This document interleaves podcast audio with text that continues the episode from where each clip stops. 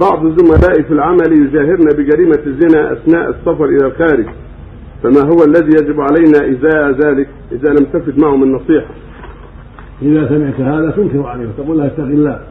لا تفضح نفسك ولا تجا- تجاهر بمعصيتك. هذا حرام عليك وال- والرسول عليه السلام يقول كل أمتي معافى إلا المجاهرين أعوذ بالله. فالإنسان إذا فعل المعصية لا يجوز أن يجاهر بها ويقول فعلت وفعلت. بل يطلب ربه الستر يسأل ربه العافية يبالغ بالتوبة إذا سمعت من زميلك في المكتب أو في غيره. هذا الأمر تنكر عليه وتقول اتق الله. لا تقول هذا الكلام ولا تنطق بهذا الكلام. واسأل ربك التوبة تب إلى الله. هذه فضيحة هذا منكر. تكلم عليه وتبين له هذا منكر وهذا لا يجوز ولا يحل أن يبوح به عند زملائه ولا عند غيره.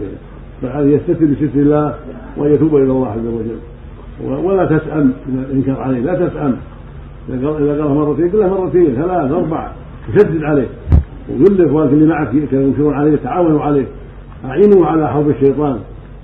هذا يزين لها الشيطان وأنتم أعينوه على حرب الشيطان بالإنكار عليه والتغليظ عليه.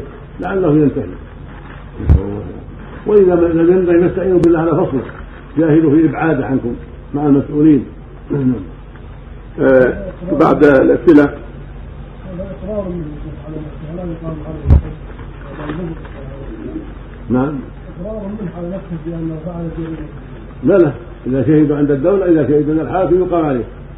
يخوفونها بهذا يقول إما تبت نشهد عند الحاكم حتى يقام عليك الحد نتقدم.